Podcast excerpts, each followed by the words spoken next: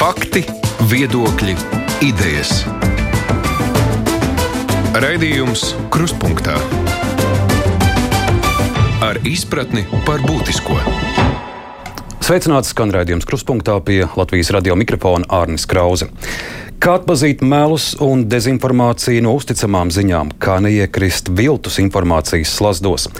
Kā valsts aizsargās savu informatīvo telpu no ļaundariem, kas cenšas musināt ļaudis un sagrozīt cilvēku prātus?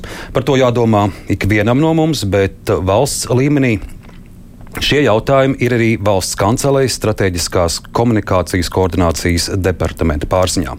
Departamenta vadītāja Riharda Vambala šodien esam aicinājuši uz pirmdienas interviju sveicināti. Labdien! Rihard, mums tā saruna būs krietni gara, gandrīz stundas garumā, tādēļ, lai ļaudīm ir labāks, labāk izpratni, ko dara jūsu departaments.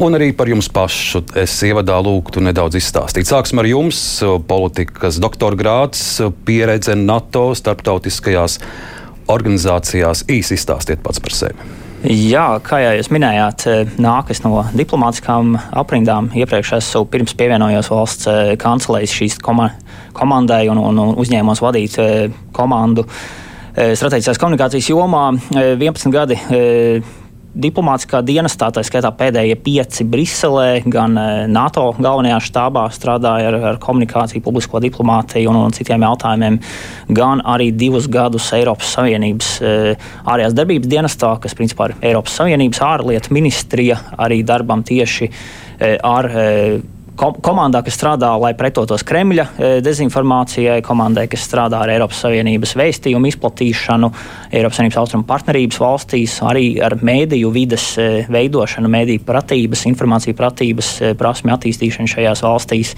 Tas gan, protams, pirms kara. Un arī pirms tam ārlietu ministrijā Rīgā strādāja dažādiem drošības politikas pārsvarā jautājumiem, kā jau jūs minējāt, eh, doktora grāts eh, politikas zinātnēs, starptautiskajās eh, attiecībās, starptautiskajā politikā no Latvijas universitātes iegūts, aizstāvēts. Un, jā, bija patiesa prieks uzņemties departamentu vadību, ņemot vērā, ka tā ir jauna struktūra vienība, lai arī mēs par informatīvās telpas uzbrukumiem, dezinformāciju, manuprāt, runājam kā minimums kopš 2014. 2014. gada, ja, kopš e, Krimas e, toreiz e, aneksijas okupācijas. Un, un to, tobrīd tajā gadā arī izveidojām NATO strateģiskās komunikācijas izcīlības centru Rīgā.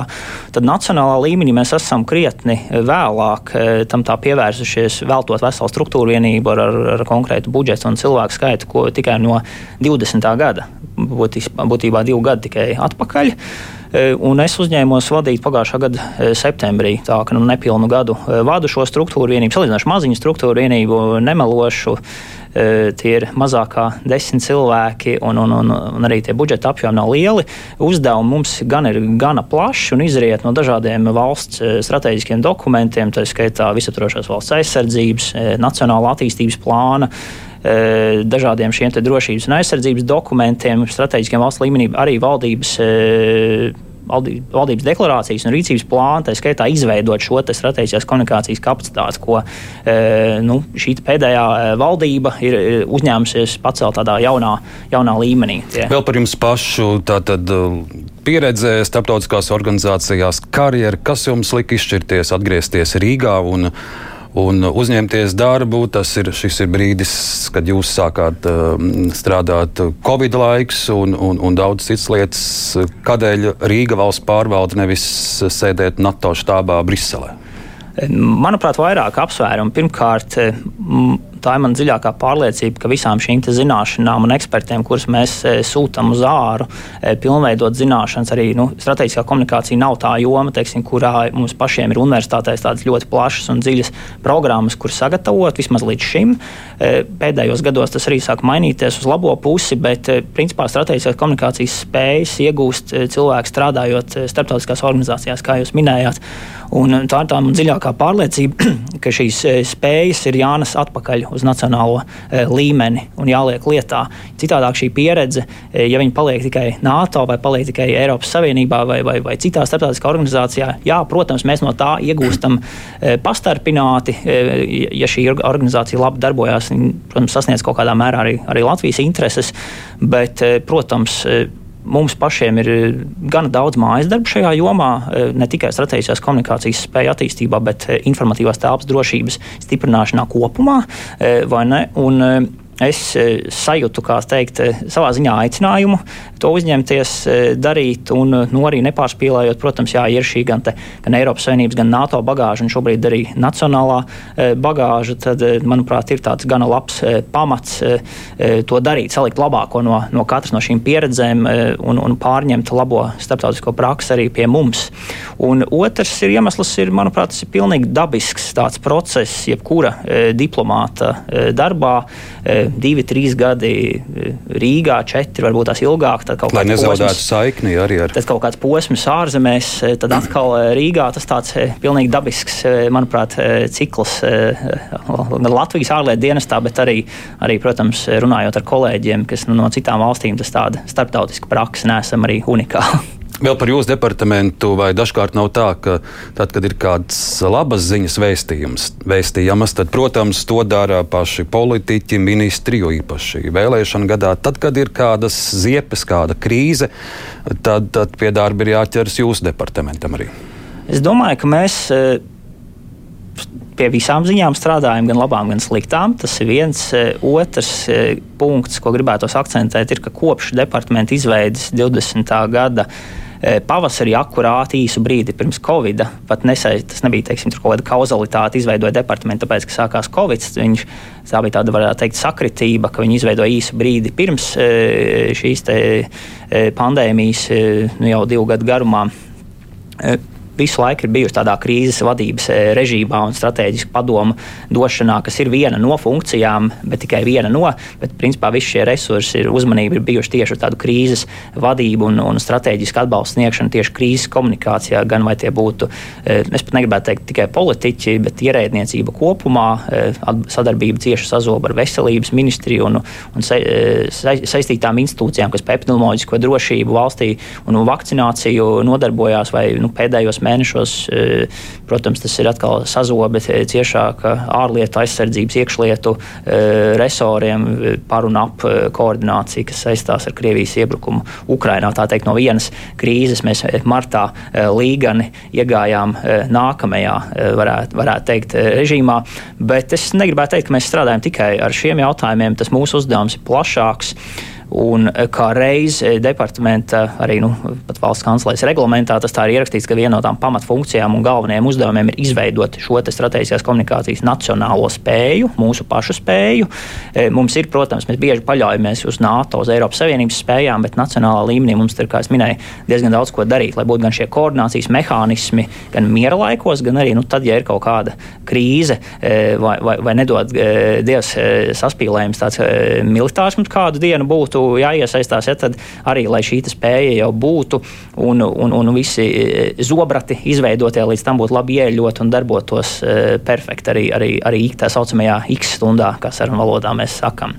Bet, eh, bet jā, es piekrītu, ka tad, kad viss notiek labi un, un tā komunikācija un vēstījuma aiziet kā, kā labi saeļots mehānisms, tad to iespējams nepamanā. Protams, tad, kad ir kāda problēma valstī, tad visi skatās, un, un, un ko, ko tad dara strateģiskās komunikācijas eksperti. Vai tad, vai tad viņi nebija iesaistīti, vai tad viņi nemācēja nokomunicēt, un kas tad būs tie vēstījumi. Bet nu, vēstījumi nevienmēr ir tas, kas spēj visu E, izglābt, īpaši tad, ja nu, komunikators tiek iesaistīts jau pēc tam, kad kaut kādi lēmumi jau ir pieņemti, un tur vairs nav pat atkāpšanās ceļa vai kaut kādas padomdevēja funkcijas, kā būtu labāk. Nu, lūk, es sākušu ar vienu konkrētu piemēru, lai ļaudīm lielāka skaidrība pēdējās nedēļas liela ziņa, obligātais militārais dienests ideja par, par to. Un, aizsardzības ministrs Pabriks nāca klajā ar šādu varbūtību. Un, cik es redzu un runāju ar ļaudīm, daudz neskaidrību, daudz vēl nezināmā. Katru dienu nāk klāt kāds jauns fakts. Mums arī rīt būs uh,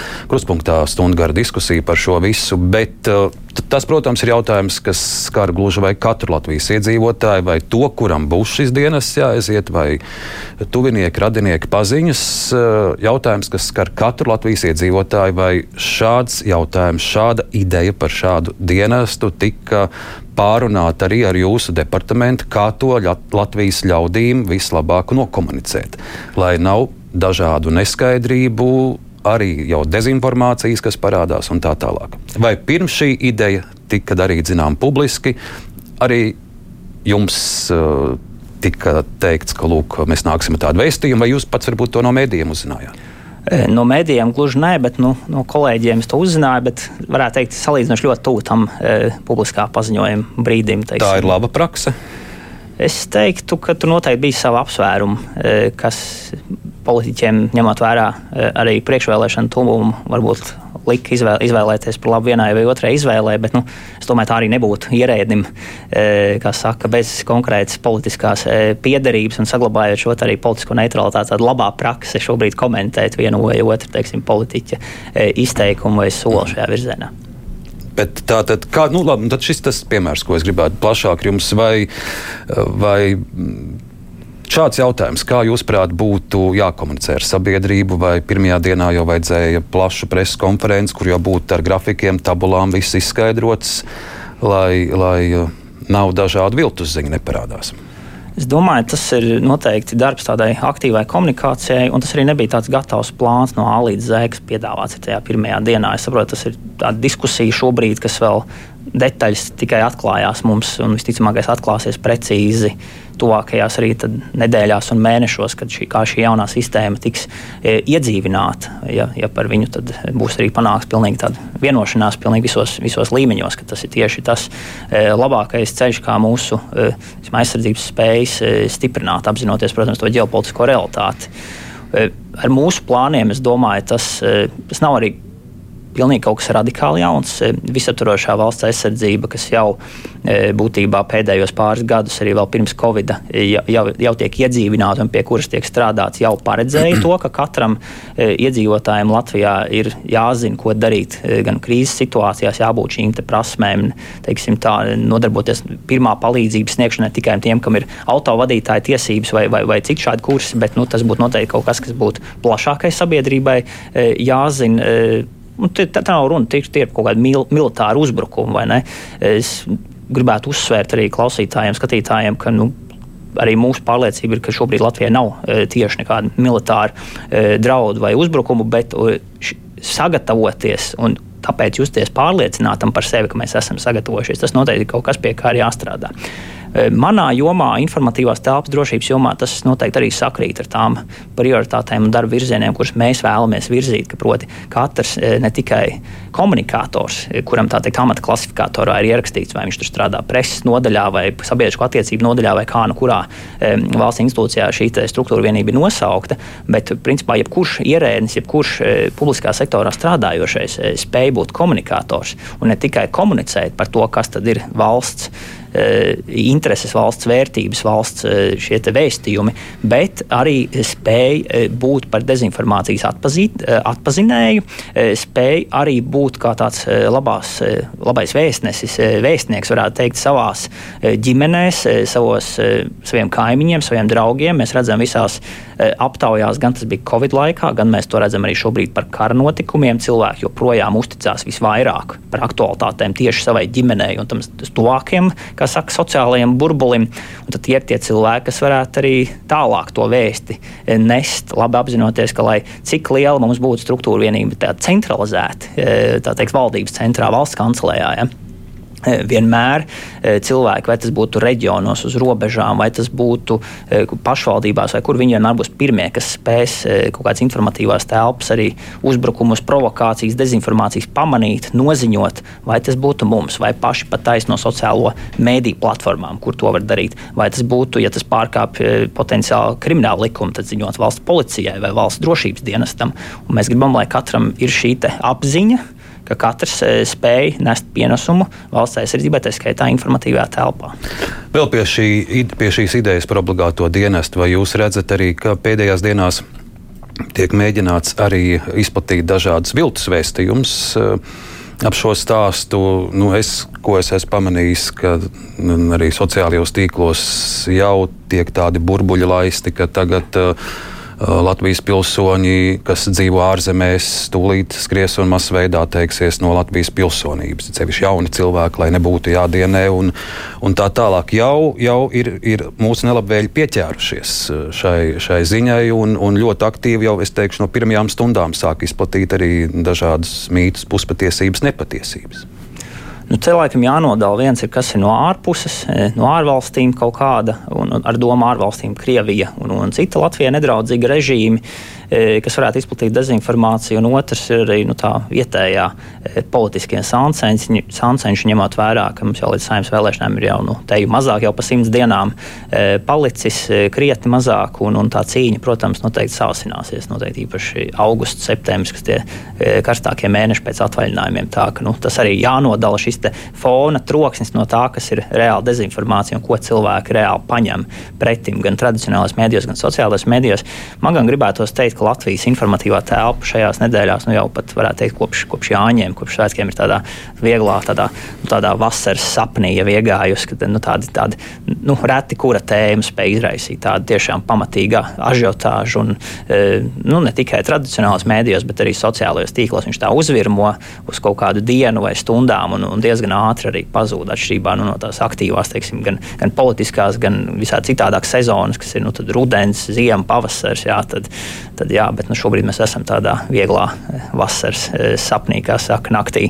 No, kā jūs to secināt? Jums ir departamentā cilvēki, kuri sako visam, sākot no Twitter līdz nezinu, TikTokam un, un, un, un, un citām aplikācijām, vai, vai jūs pats visam sekojat un, un no tā secināt, eh, kas jums rada šo priekšstatu? Jā, mums ievadā nespējām iztirzāt eh, tieši tos departamentu uzdevumus un funkcijas, kā reiz tā primārā funkcija līdztekus strateģiskās komunikācijas tā mehānismu sazobes izveidēji ir arī nodrošināt centralizētu informatīvās telpas monitoringa kapacitāti visai eh, principā, valsts pārvaldei. Tas nozīmē, ka mūsu analītiskos pārskatus, kas ir nu, pagājušajā gadā, tie bija vairāki simti pārskati pa gadu, šogad tie ir jau nu, vairāki desmiti, tūkstošiem gan par iknedēļas aktualitātēm infotelpā, gan par dažādiem konkrētiem jautājumiem par karu, par atbalstu Ukraiņas civiliedzīvotājiem. Eh, ļoti cieši monitorējam arī pieminiektu, piemēram, uzvaras parkā un ar to esošās visas peripētīs. Tāpat tās eh, nodrošinam arī regulārus socioloģiskos, kvantīvos, kvalitīvos pētījumus.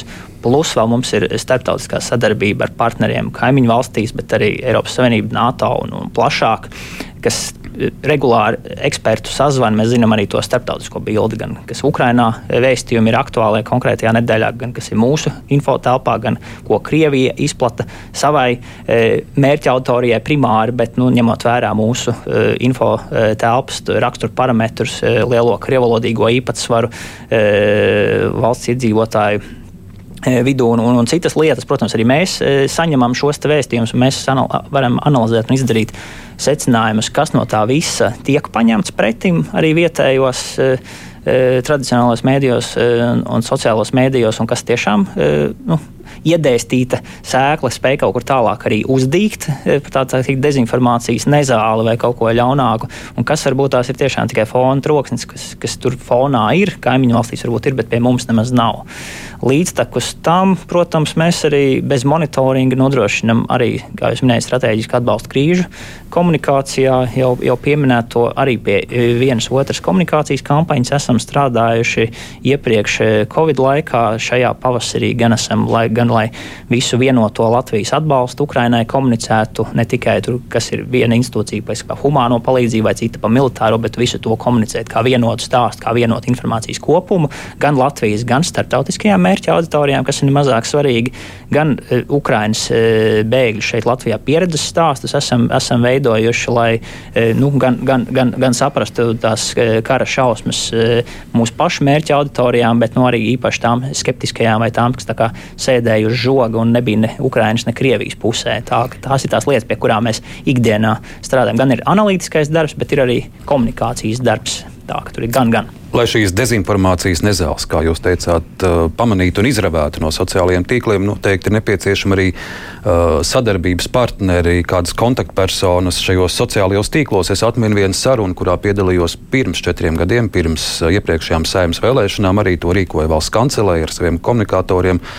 Un toreiz, it sevišķi pēc Krievijas mēģinājumiem ietekmēt ASV prezidenta vēlēšanas, bija liels bažas, ka tas varētu atkārtoties arī Latvijā. Tolaik es atminu, ka lielākā problēma nebija pamanīt un atpazīt šos dezinformācijas piemērus un personas un faktus. Problēma bija, kā sazināties piemēram ar kādu Facebook administratoru, kurš ir atbildīgs par Baltijas reģionu vai par Latviju kā operatīvi panākt, ka Facebook vai Twitter vai šobrīd tik populārais TikTok uh, operatīvi izravē šo dezinformāciju. Vai četru gadu laikā ir kas mainījies uz pozitīvo pusi, vai jums ir kāds, nezinu, ja ne telefons vai e-pasts, kur jūs zinat, ka Džonam uz Facebook jūs uzrakstat, un, un, un viņš operatīvi reaģē, un diennakts laikā kāda tiešām liela melu ziņa par Latviju tiek izņemta no Facebook. Ap, absolūti. E, nepieminēju pirms brīža, tā arī ir viena no mūsu e, struktūra vienības e, funkcijām. Mēs esam oficiālais valsts kontaktpunkts sadarbībā ar visām lielākajām sociālo mediju platformām, gan Meta, jeb plašāk zināmais Facebook, Twitter, Google un, un, un, un cik, kas ir attiecīgi arī YouTube. Tā kā arī ar TikToku mums ir kontakts, tā ka jā, mums ir ne tikai e-pasta un telefoni, bet arī regulāras informācijas apmaiņas. Viens ir šī ziņošana kas ir īpaši vēlēšana kontekstā arī tāds ātrāks eh, līnijas, ātrais telefons, kā saka, ja pamana kaut kādas mēs neesam vienīgie. Arī mūsu eh, drošības dienestiem ir šādas eh, iespējas sazināties. Īpaši, nu, ja tas būtu kaut kāds valsts drošības apdraudējuma situācija vai, vai, vai piemēram, draud cilvēku dzīvībai, tad arī to ir iespējams vēl ātrāk potenciāli izdarīt kā tādos normālos miera apstākļos. Tā kā jā, mēs, mums ir šī funkcija, bet eh, varētu teikt, vēl viens eh, laba lieta, ko mums ir sociālai mēdīji devuši Covid laikā, deva eh, padarīt saturu redzamāku. Respektīvi, uzticamo saturu padarīt redzamāku un dezinformāciju samazināt redzamību. Tā ka pie tā mēs esam strādājuši, un gan tas bija gan slimību profilakses kontrolas centra, piemēram, paziņojumi, informācija par, par Covid laiku, kādi pasākumi cilvēkam katram individuālā līmenī jāievēro, lai tas būtu pamanāmāks tajā pašā pašā Facebook platformā, tā ka to, to, to viņi mums arī ir palīdzējuši. Absolūti. Es jau paredzu, tūlīt mūsu e-pastā ieripos kāds, kādu vēstuli arī ar tekstu, ak, tad jūs esat tie cenzori, kas tur Facebookā dzēš ārā nelabvēlīgos komentārus pret, pret valdību vai, vai premjeru vai pret ko. Mums e, tāda funkcija pašiem dzēst, e, nospiedušot pogu vai, vai, vai, vai ko citu nav. E, mums ir iespēja tādā vienotā veidā to nodot eh, ziņu eh, sociālo mediju platformai, vai tas būtu Facebook vai cita primāri to var darīt arī jebkurš cits cilvēks. Kā jau minēju, katrai no šīm lielākajām sociālajām mediju platformām ir tādi iekšējās lietošanas noteikumi, vai ne? Ko drīkst darīt šajā platformā un ko nedrīkst. Tā kā īstenībā jebkurš, ne tikai mēs, eh, to varam darīt. Ikdienā ziņot platformai par lietām, kas neatbilst to iekšējās kārtības noteikumiem. Un, un bieži vien tās ir arī lietas, kas nu, nav kas ir arī pretrunā vietējai likumdošanai. Ja, ir, ja tā lieta nav legāla, tā teikt, offline, jeb nu, klātienē, ārpus online tiešsaistes vidas, tad ļoti liela iespējamība, ka viņa arī tiešsaistē e, nav, nav likumīga un legāla un atļauta. Tā ka, nu, jā, mēs, protams, ziņojam par šīm lietām, bet gala lēmumu jebkurā gadījumā vienmēr pieņem pati platforma, vai viņa kādu saturu ierobežo e, vai nē. Un, un līdz galam internetā man gribētos akcentēt, nekas netiek dzēsts un arī lietas. Arī arī vecus e, tvītus, par kuru kāds e, īpaši labi zināms mm. amatpersonas ir sakaunējušās un pēc laika varbūt izdzēsušas, ar, ir rīki, ar kurām arī ar tos var atgūt. Tā, no interneta izdzēst nevar neko. Tieši tā. Vēl par saimnes vēlēšanām, e, vai jūs paredzat, ka būs mēģinājumi? Ietekmēt to iznākumu Latvijā arī caur sociālajiem tīkliem. Uh, pirms pāris dienām uh, redzēju fragment no vienas uh, Krievijas propagandas raidījuma, kur raidījuma vadītājs Popovs, kurš ir arī pats domas deputāts, pilnīgi atklāti pateica, jā, Amerikas gadījumā mums izdevās tur ar Trumpu manipulēt un, un, un panākt kaut kādā veidā arī lielāku atbalstu Trumpam. Tagad ar, ar, ar britu politiku, nu, diemžēl mums tur nav tik viegli. Britiem cita kārtība, kā tiek izvēlēts uh, britu valdības vadītājs. Viņi pilnīgi atklāti saka, ka jā, viņi to dara, viņi ietekmē citu valstu politiku arī, arī šādi. Vai mēs tam gatavojamies? E, pirmkārt, par pašu Krieviju un to troksni, kas nāk no Krievijas, tur nevisam būtu jātic viens pret viens. Tam, ko viņi saka, es domāju, tas ir īpaši jāakcentē klausītājiem, skatītājiem. E, viņi cenšas šobrīd pārdot gan arī katru lietu kā uzvaru, pat tad, ja tā nav uzvara šajā karā. Un, un, un atceramies to oficiālos kā, pēdiņās mērķus, jeb iemeslus, kādēļ Krievija iebruka, kādēļ Kremļa režīms iebruka Ukrainā, tad demilitarizācija un denacifikācija. Un tie ir tādi, protams, ļoti absurdi mērķi, kurus ir grūti sasniegt militāri. Un tad, protams, jebkas šobrīd gan kaujas laukā, gan no arī kaujas laukā informatīvā telpā tiek pārdots kā kaut kāda uzvara. Tad arī šis gadījums, es domāju, ir jāvērtē tajā kontekstā, ka kaut kāda atsauce uz pagātnes notikumiem, lai pašreizējās neveiksmes kaujas laukā gan klātienē, gan informatīvajā arī nu, nomaskētu un censtos pasniegt par uzvarām. Ja par mūsu pašu vēlēšanām, tad mēs esam ļoti nopietni tam pievērsušies. Tam ir arī izveidota īpaša starpinstitucionāla darba grupa premjera rīkojumā kurā arī, arī mēs esam pārstāvēti un, un informatīvo telpu šo analīzi piedāvājam visiem iesaistītiem pusēm. Tas darbs varbūt nav īpaši publisks un īpaši reklamēts. Tas nenozīmē, ka pie tā netiek strādāts, pie tā tiek ļoti nopietni strādāts. To es gribētu izcelt. Bet, protams, mēs gatavojamies jā, dažādiem scenārijiem, vai tie būtu potenciāls provokācijas informatīvā telpā, dezinformācija, ietekmēšanas operācijas, vai tas būtu kaut kāds pastiprināts e, kiberuzbrukums, piemēram, tas nav ieslēgts. Protams, ir arī kaut kādi iekšēji riski, bet mēs visus e, riskus e, pārvaldam un pārvaldam, es gribētu teikt, ar ļoti labi. Nav tādu risku, kuri nu, būtu pilnībā nenovēršami un, un nu, nemazināmi līdz vēlēšanām, lai vēlēšanas nenotiks. Vēlēšanas notiks, un lai ko censtos Kremļa uh, E, kanālu vai tieši taisno no Krievijas vai pastarpināt ar kādu e, personu vai organizāciju institūciju šeit Latvijā izplatīt, ka, ka vēlēšanas e, nenotiks vai nebūs leģitīmas vai ka balsis tiks nozagtas vai šie citi vēstījumi, kurus potenciāli varētu izplatīt. Es aicinātu tiešām kritiski tos izvērtēt un labākā, labākais veids īstenībā kā tiem pretdarboties ir aizejot uz vēlēšanām un nobalsojot un piedaloties un izrādot šo pilsonisko līdzdalību, pilsonisko aktivitāti un, un, un piedaloties vēlēšanās vēlēšanās, vienalga par kuru politisko spēku tas būtu, izdarot izvēles, kā saka, vai nu iedrošinot eh, nākamos, eh, tā teikt, gan valdības veidotājus, vai sodot vai atalgojot esošos, nu, tas ir katra paša ziņā, bet eh, pilnīgi noteikti pie tā tiek strādāts, un arī katrs pats pie tā var līdzdarboties. Šajā kontekstā mēs esam arī interesantu uh, lietu, ko mēs vēl ne, nesen, nesen uh, īsumā noreklamējām sarunu festivālā Lampa. Mēs esam sadarbībā ar ASV kolēģiem latviešu valodā adaptējuši un tulkojuši spēli Harmony Square, kas ir tāda tiešsaistes spēle, mediju pratības, informāciju pratības spēle. Pārsvarā mērķa auditorija ir jaunieši. Tas varētu būt īpaši interesanti tiem jauniešiem, kas pirmo reizi izmantos savas tiesības pielīties saimnes vēlēšanās un nobalsot. Un, un tā ir spēle, kas balstās uz tā saucamo latviešu valodā priekšatspēkošanas, jeb prāta vakcinācijas teoriju, kam apakšā ir Cambridge Universitātes pētījumi, cilvēks drošā tādā online e, vidē iemācās atpazīt dezinformāciju nevis pēc kaut kādiem vēstījumiem, e, bet tieši pēc metodēm, kā manipulē. Tā skaitā vēlēšana kontekstā ar, ar viedokļiem, ar viltus ekspertu piesaukšanām, ar spilgtiem epitetiem un citām metodēm.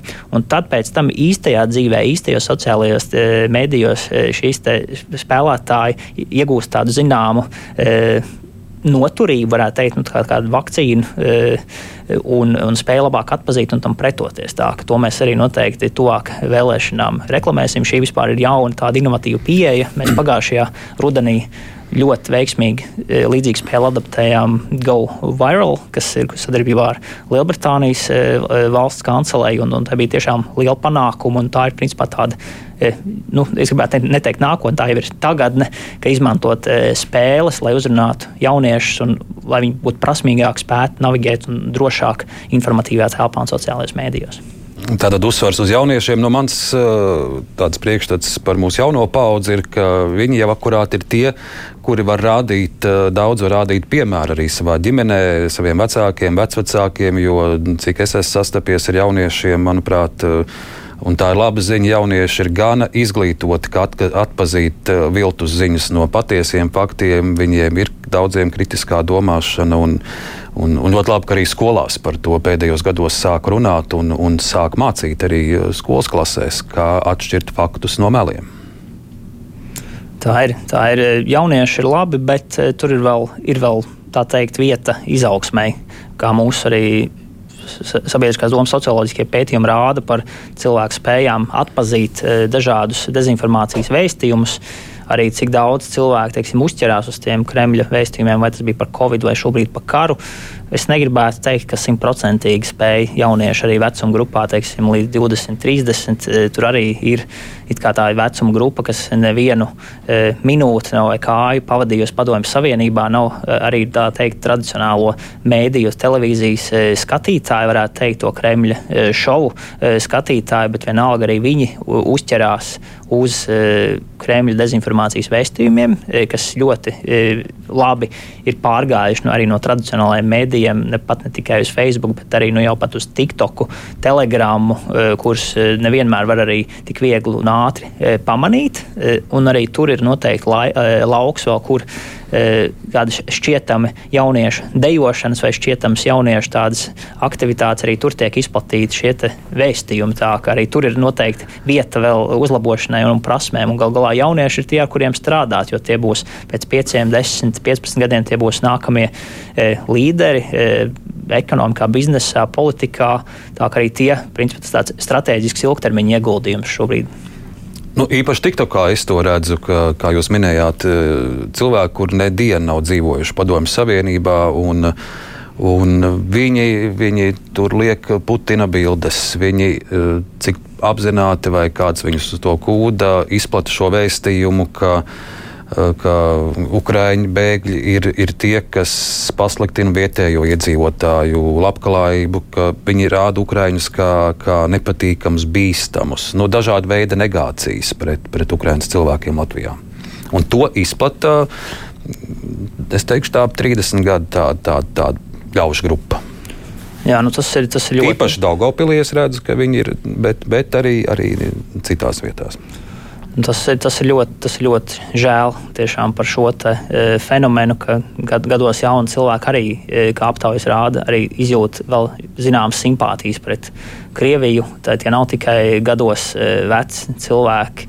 E, bet tā, jā, tas ir noteikti lauks, e, kurā strādāt. Ne tikai domāju, komunikācijas e, jomā, bet jebkuram, kas nodarbojas, vai tas būtu ar sabiedrības integrācijas politiku, vai mediju politikas, vai ar, ar, ar citām lietām. Pašvaldībām šeit arī ir ļoti būtiska loma uzrunājot savus, savus iedzīvotājus, savus auditorijas, jo, un, un tie, jo tie ir arī tie, kas spēj ietekmēt. Nevienmēr visu var arī no galvaspilsētas, kā es minēju. Mēs bieži vien esam svešinieki vai varbūt kas ir influenceri vai viedokļu līderi, kas ir labi pazīstami šeit Rīgā, nebūt, eh, nebūs pazīstami 200 eh, km no Rīgas. Eh, un, un tur vietējais bibliotekārs vai vietējais skolas direktors vai vietējais domas deputāts vai dziedātājs, viņam būs iespējams daudz lielāka ietekme uz šo vietējo kopienu un, un, un ietekmēt arī nu, būt kā tādam gan labajam nu, sūtnim, bet redzam arī, nu, ir ietats sliktais, jeb tā saucamais toksiskais sociālais, eh, eh, sociālais burbulis, tad, nu, tad arī to negatīvo ietekmi viņi tur uz vietas var ietekmēt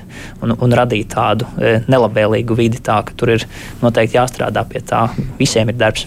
Vēl ir viena ļaužu grupa, ko es esmu manījis, kuri ļoti aktīvi pēdējā laikā izplata šo vēstījumu par dzīves dārdzību, cenām, rēķiniem, degvielu, ar domu, ka lūk, vai tiešām vajadzēja šīs rietumu sankcijas, vai vajadzēja ar sankcijām kaitināt. Putinu. Arī tāda vēstījuma ir. Un šeit svarīgi uzsvērt ne jau tikai krievu ļaužu vidū, arī gan daudz uh, cilvēku ar latviešu vārdiem to raksta. Kā šeit ļaudīm skaidrot uh, šīs, eh, šīs lietas, kā izskaidrot, kas ir brīvības cena. Tā nav tikai cena eh, veikalu plauktā. Absolūti, bet tas arī ir jāņem vērā, ka ne no pirmajām kara dienām. Pirmajās kara dienās mēs, protams, redzējām visus šos demilitarizācijas, denacifikācijas eh, vēstījumus, tos pašus, ko redzēja arī kaimiņu valsts un arī starptautiskie mēdīji un analītiķi. Bet nu, tajā brīdī, kad uh, Ukraiņas uh, civiliedzīvotāji, Ukraiņas kara bēgļi sāk ierasties gan Latvijā, gan citās Austrumēropas, Centrāla Eiropas valstīs, uz marta beigām, aprīļa sākuma šis vēstījums tika ļoti aktīvi izplatīts, ka Ukraiņi ir tādi nepateicīgi, ka, ka īstenībā nevar atļauties šīs valsts nemaz atbalstīt atbalstīt Ukrainu vai Ukraiņus pie sevis, jo pašiem iedzīvotājiem ir, ir, ir grūtības tālāk šie vēstījumi tik vēl pastiprināti, sakot, ka sankcijas pret Krieviju sadārdz, ir tas galvenais iemesls, kādēļ sadārdzinās gan degvielas, gan enerģētikas cenas, gan pārtiks cenas un inflācija kopumā. Un tad protams, tas tā nu, lēnām tika pilināts un pilināts pa pilienam, e, un tagad mēs esam nonākuši līdz tai situācijai. Protams, paralēli tam ir vēl otrs process, e, arī nu, dabisks nogurums no kara. E, tas tāda dabiska reakcija, protams, mēs atcerēsimies labi šī gada martu. Es domāju, neviens no mums. No rīta līdz vakaram ziņās sēdēja. Jā. Precīzi, un nespēja iespējams nodalīt to savu personīgo dzīvi vai darba dzīvi no tās e, sociālās tel, e, mediju telpas, no visiem notikumiem Ukrajinā ļoti personīgi pārdzīvoja un, un nespēja gulēt, aiziet caurām naktīm, tad, protams, vienā brīdī nu, tas eh, tīri e, psiholoģiski un individuāli katram ir grūti un cenšas nodalīt un veikt kaut kādas barjeras, sienas, uzbūvēt ap sevi. E, un, un arī veidojās jā, šis nogurums no kara. Nu, ir būtiski viens ir gan nepagurt no tā, apzināties, ka tas ir e, maratons gan, gan, gan Ukrāņiem, gan mums pašiem. Mums nu, kaimiņus izvēlēties nevar. Krievijai dzīvosim, dzīvojām un dzīvosim blakus, bet nu, otrs ir arī būt uzmanīgiem pret šiem dezinformācijas vēstījumiem, zināt par viņiem, apzināties, ka ir manipulācijas, bet nu, tad ir vēl trešais elements, protams, objektīvi paliek dzīve dārgāka, bet nu, tas ir relatīvi maza cena iepratim tai cenai, ko visu mūsu vārdā Ukraiņa šobrīd maksā, un cita varianta nav. Par vēl vienu vēstījumu, iebiedēšanas vēstījumu no Kremļa puses tā ir tāda nemitīga arī kodola ieroču pieminēšana. Un uh, sestdienas kruspunktos man sanāk intervēt vairāk cilvēkus, kuri paši ir pieredzējuši jau vienu karu, otro pasaules karu, kā, kā bērnu pusauģi. Viņi īpaši, īpaši jutīgi uztver, uztver šo, šo Krievijas draudu ar kodola ieročiem, kā mums būtu jāuztver šis vēstījums un kā uz to jārēģē. Mēs, protams, varam reiz no reizes atkārtot, ka arī NATO ir kodolieroči, ka arī trim vismaz trim, trim NATO valstīm ir kodolieroču arsenāls, bet, bet šo, šo arī emocionāli cilvēku uztver šādus draudus. Absolūti, absolūti. Mēs veicām arī e, pētījumus pašā marta otrajā nedēļā, ne, pirmajā nedēļā, kas ir burtiski pir, otrā kara nedēļa.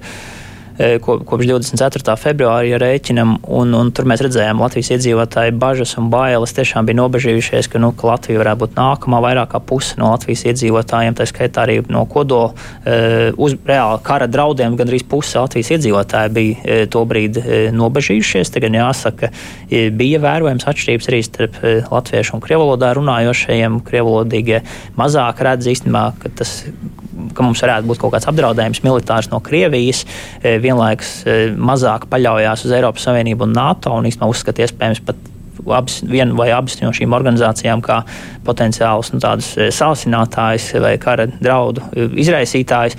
Tikmēr latvieši varbūt bija vairāk nobežījušies kā, kā, kā reiz par kodola karu, bet arī daudz lielākas drošību izjuta tādēļ, ka Latvija pieder e, gan stiprākajai politiskajai militārajai aliansē, gan arī lielākiem ekonomiskam blokam pasaulē, Eiropas Savienībai. Vēl īsti par to, kā, kā latvieši un krievi Latvijā uztver šo karu, es atsaukšos uz valsts kancelēs pētījumu. Tas bija marta sākumā. 68% uzskata, ka kara izraisīšanā vainīga Krievija, 78% Latvijas iedzīvotāji neatbalsta Putina iebrukumu Krievijā, 76% 76% Latvijas iedzīvotāju atbalsta Ukraiņas cīņu, 74% atbalsta palīdzības sniegšanu Ukraiņiem. Tas bija martā. Es nezinu, kā, kā ir situācija tagad, bet eh, par ko tas liecina? Tas liecina, ka mēs te nevaram tā nodalīt latviešu un krieviju. 76% Latvijas iedzīvotāju atbalsta Ukraiņas cīņu. Tas nozīmē, ka tajā skaitā ļoti daudz krievu, kas dzīvo Latvijā, atbalsta Ukrainu. Absolūti, absolūti. Tas bija tieši, manuprāt, tas, ko jūs pieminējāt, 3 ceturtais Latvijas iedzīvotāji atbalsta Ukrainu. Tas ir tas lielākais vienojošais punkts. Varbūt kaut kādas atšķirības e, ģeopolitiskajos jautājumos e, starp latviešiem un krieviem par Krieviju vai latviešiem un krieviem par NATO un Eiropas Savienību, bet e, attiecībā uz atbalstīšanu Ukrainai tur ir bijusi tāda nu, diezgan liela vienotība. Mēs esam kopš tā laika vēl veikuši pētījumus, tā skaitā mazākuma tautību pētījumu, kas vēl e, nav publicēti, bet būs drīzumā publicēti. Tur arī ir e, jau, pie, piemēram, krievalodīgajiem, un šeit gribētu teikt ne tikai krieviem, bet no nu, arī arī, arī citām etniskām grupām, bet kas vienkārši ikdienā izmanto krievu valodu. Biežāk mēs jautājām līdzīgi jautājumu, kas ir atbildīgs par karu Ukrainā. Tur iespējami atbildžu varianti gan, gan Putins, gan Krievija, NATO, Ukraina, ASV vai neviens nav atbildīgs.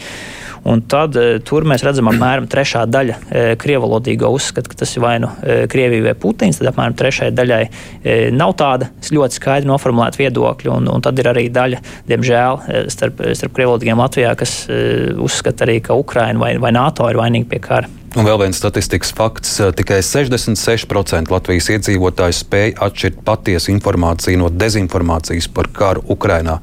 Tas gan droši vien ir gan satraucoši, un, un, un te būtu jāgaida, kādi ir uzlabojumi.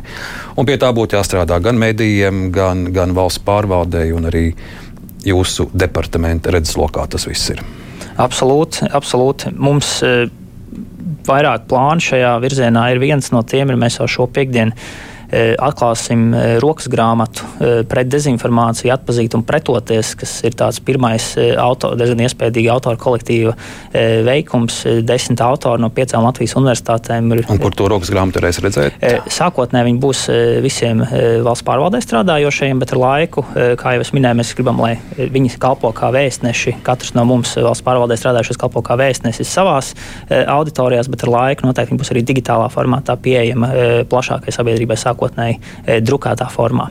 Paldies par šo informāciju un lai jums izdodas noturēt mūsu informatīvo telpu no ļaundariem un Latvijas nelabvēlīgiem. Valsts kancelējas strateģiskās komunikācijas koordinācijas departamenta vadītājs Rihards Bambals bija šodien kruspunktā viesis. Lielas paldies par sarunu! Paldies jums!